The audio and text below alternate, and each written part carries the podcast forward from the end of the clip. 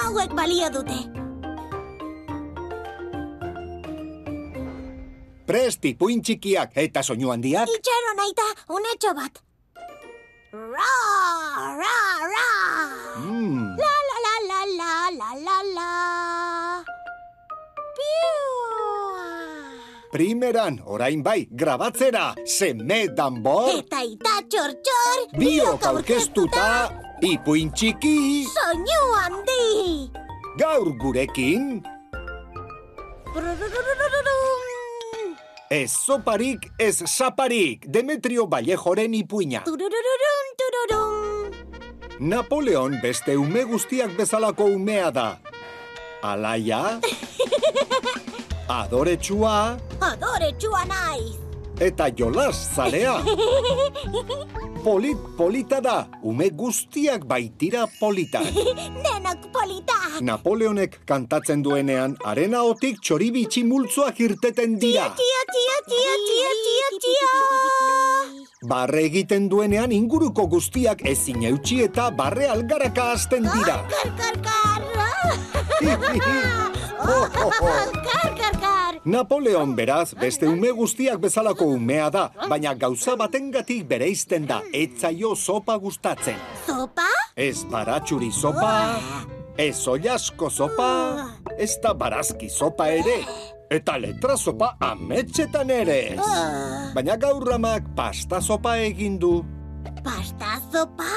Ah, ah. eta Napoleoni deitu dio, lastana zato sopa jatera. Ez ama, nik ez dut soparik nahi. Amak berriro, jantzazu sopa, gozo-gozoa dago eta. Ez ama, nik ez dut soparik nahi. Erantzun dio mainak eginez. Begira lastana, azaldu dio amak. Dendara joan behar dut errekaduak egitera. Itzultzen naizenean plater hori garbi ikusi nahi dut bestela ez duzu telebistarik piztuko astebetean. Eta ama badoa. Napoleon platerkada sopa aurrean dago. Nik ez dut soparik jango! Nik ez dut soparik jango! Errepikatzen du erronka jotzen bezala. Gero bapatean, Bai ba, ideia bikaina da. Nik ez dut sopa jango. Baina toki berezi batean eskutatuko dut eta amak ezingo du inoiz aurkitu.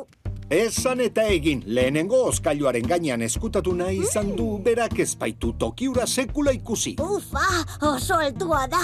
Ha, nik bost urte bakarrik ditut eta oskailu honek badirudi eun bete dituela.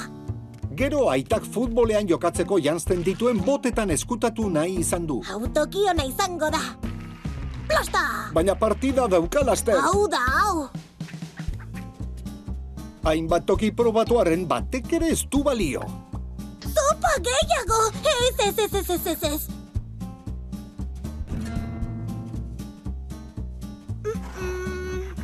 Orduan ama etxeko atea irekitzen ari dela entzun du.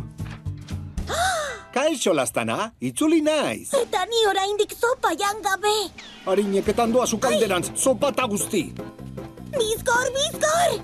Ama jangelan dagoia da. Ta Napoleonek patioraino jarraitu du.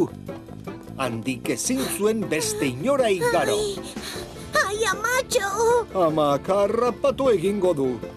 Badator, badator! Baina orduan dena galdutzat jotzeko zorian dagoenean, ditxosozko sopa eskutatzeko tokirik onena bururatu zaio.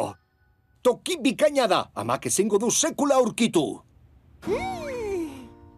Arrezkero Napoleonek ez du sekula soparik jan. Beti eskutatzen du toki berezi berezi horretan, guk urdaila deitzen diogun tokian. Eta ala izan bazan, Zer dadia kalabazan eta irten dadia gure herriko plazan! Tarararara!